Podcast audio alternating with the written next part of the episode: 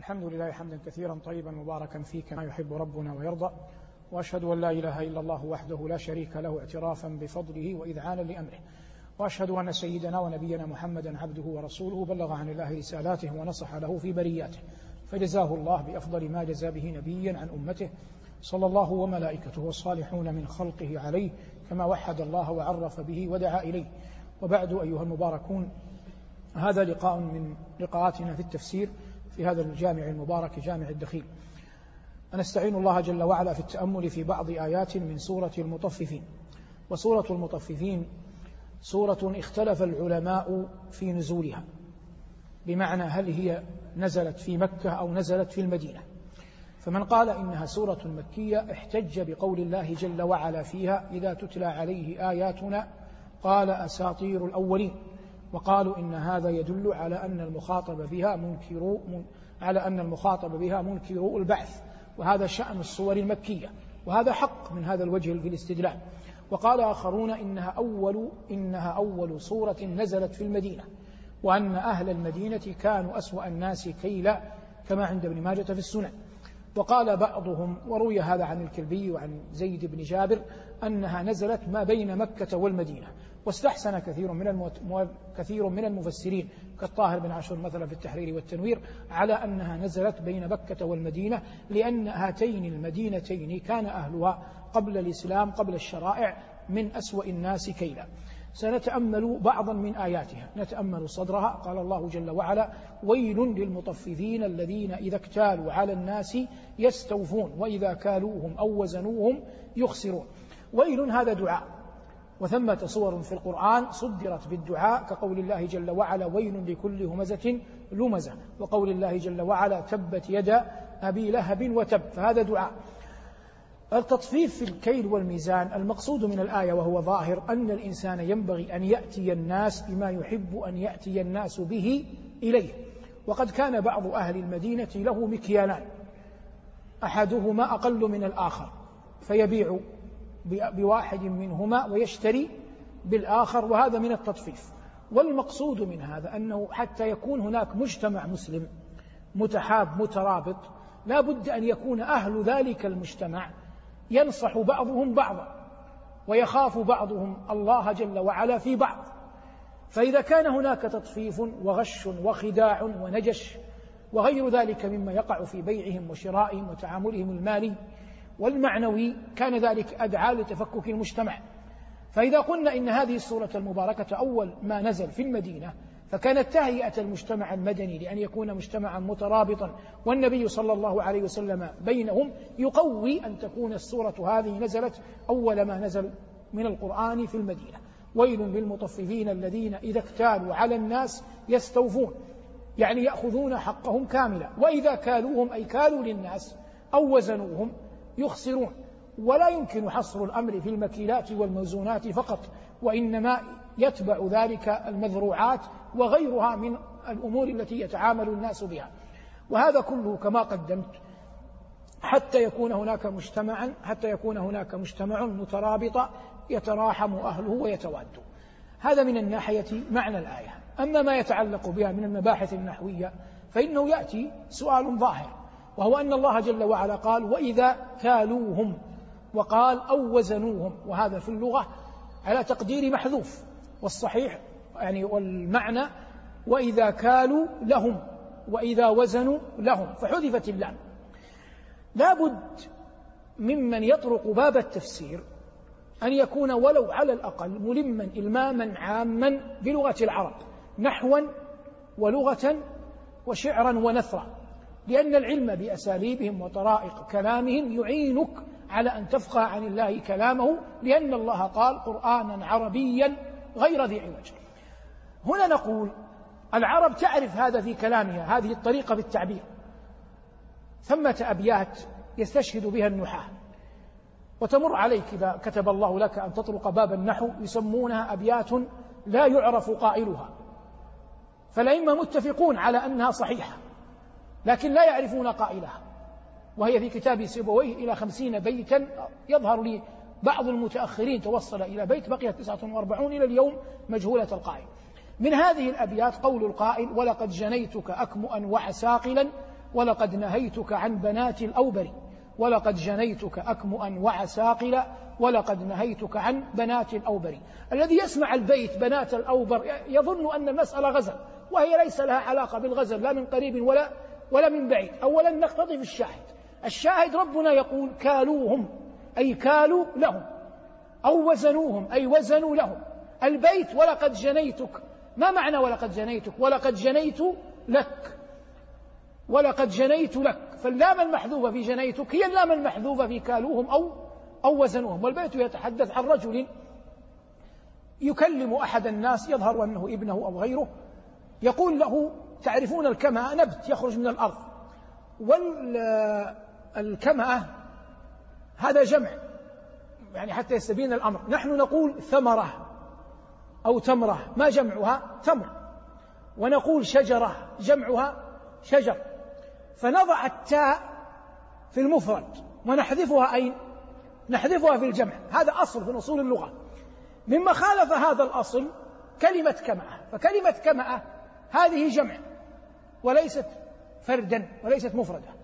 ومفردتها كم المفرد منها كم على وزن فلس كم تجمع على كمأة وتجمع على أكمو ولهذا عده العلماء العربية من النوادر لأن الأمر فيه مقلوب فالتاء الأصل أن تكون في المفرد لا تكون في في الجمع وهي هنا في الجمع ليست ليست في المفرد. فهذا يقول لابنه يقول لصاحبه أفضل ما في الكمأ اخترته لك جنيته لك لكنك لم تقبله وقد نهيتك عن بنات الأوبر وبنات أوبر نوع من الكمأة لكنه رديء غير جيد الطمع جي غير جيد الطمع جيد الطعم غير جيد الطعم نهيتك عنه وأنت تحبه.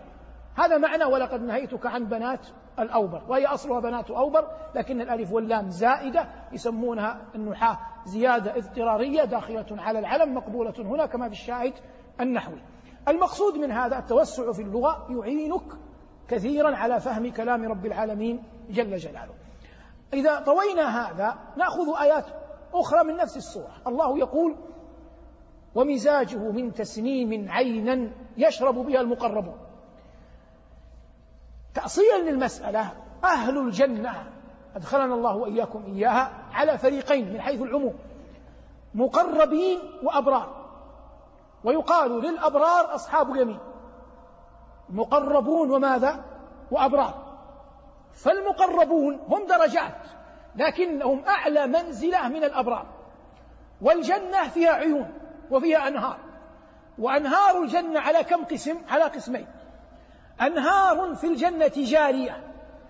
على هذا يحمل قول الله تجري من تحتها الأنهار.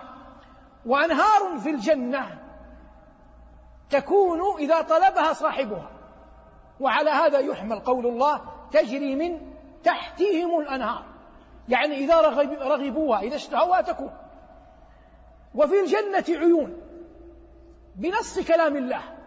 إن المتقين في جنات وعيون.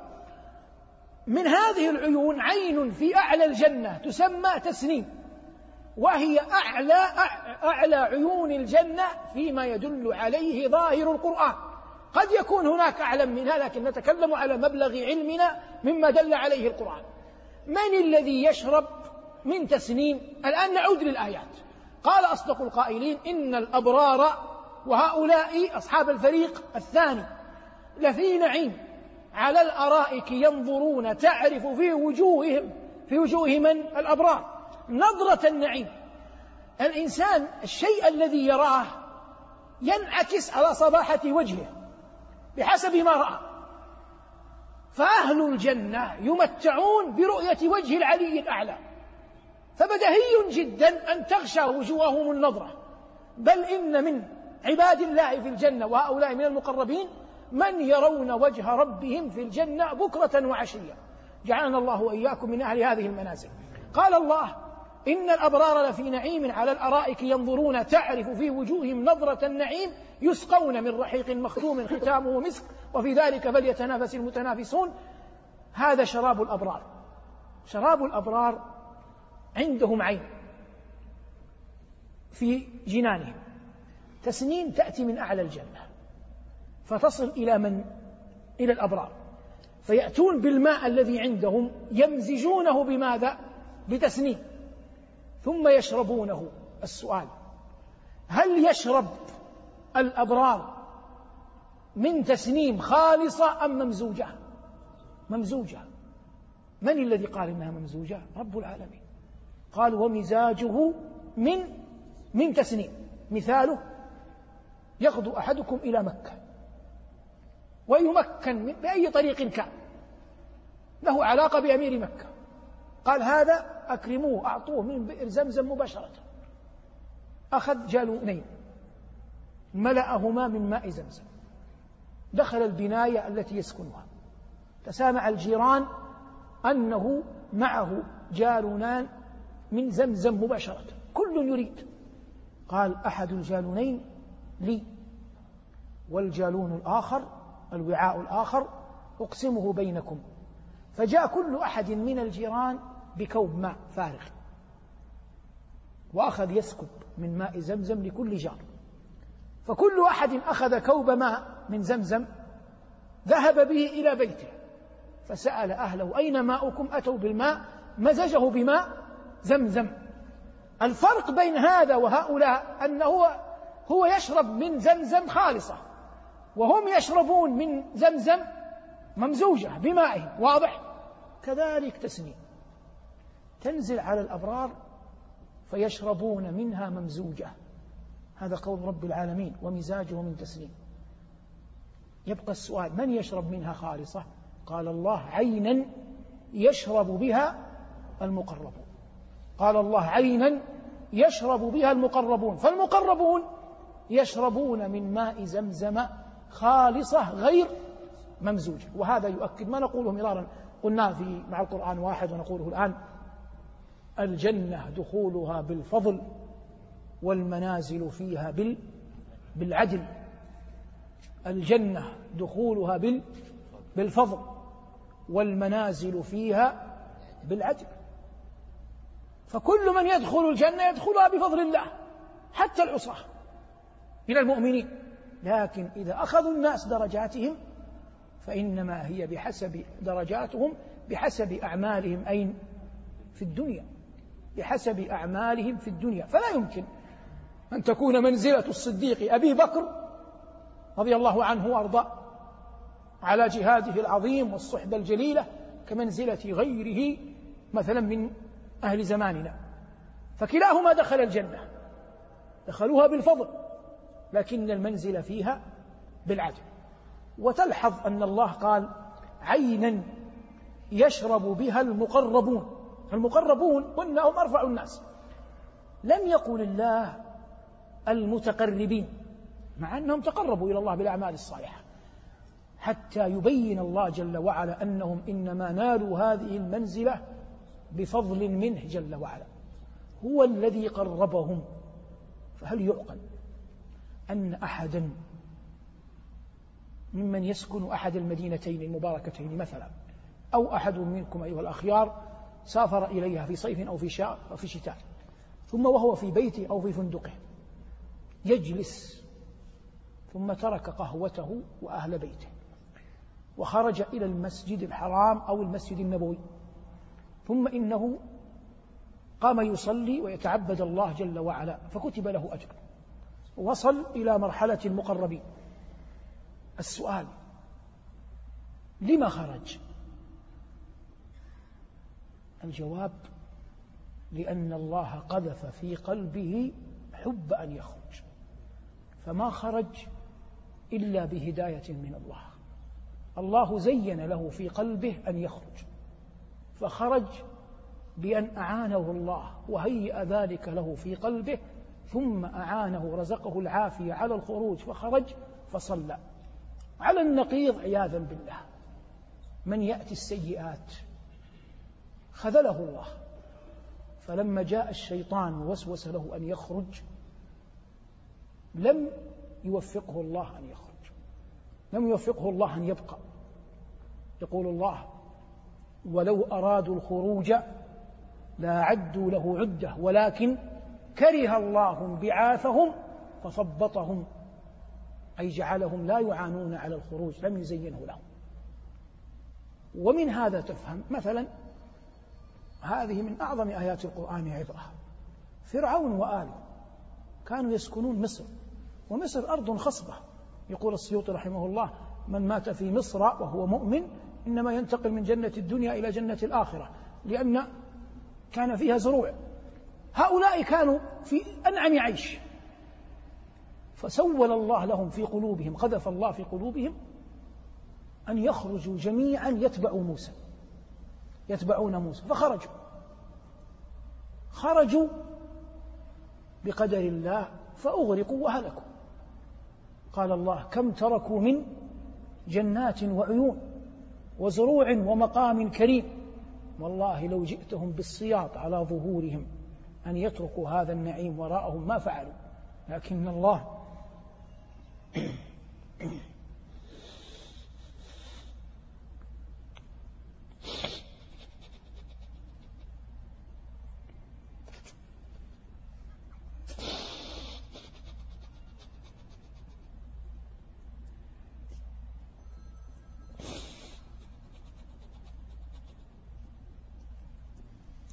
لكن الله مكرا بهم.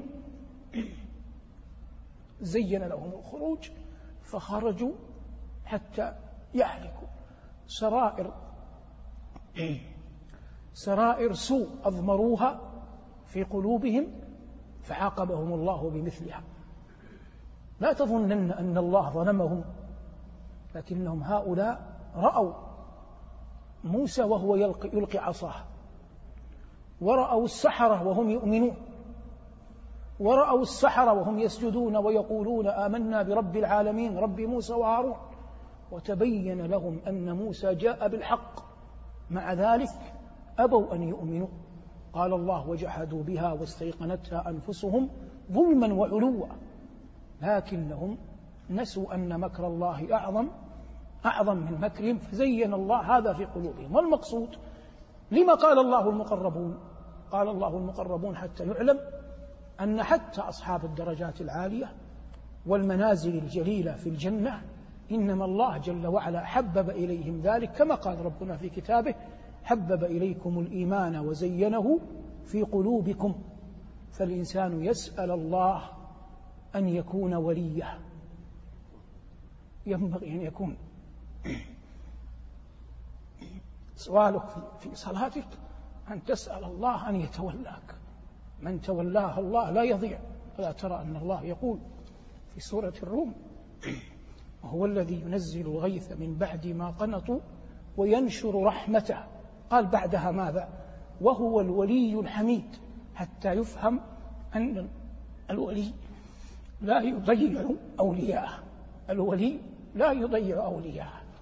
فليس أمرا هينا أن يقول النبي عليه السلام للحسن سبطه أن يقول له أن تقول في الدعاء اللهم اهدني فيمن هديت وعافني فيمن عافيت وتولني فيمن توليت. تولاني الله وإياكم برحمته والحمد لله رب العالمين. لو أنزلنا هذا القرآن على جبل لرأيته خاشعا لرأيته خاشعا متصدعا خشية الله. وتلك الأمثال نضربها للناس لعلهم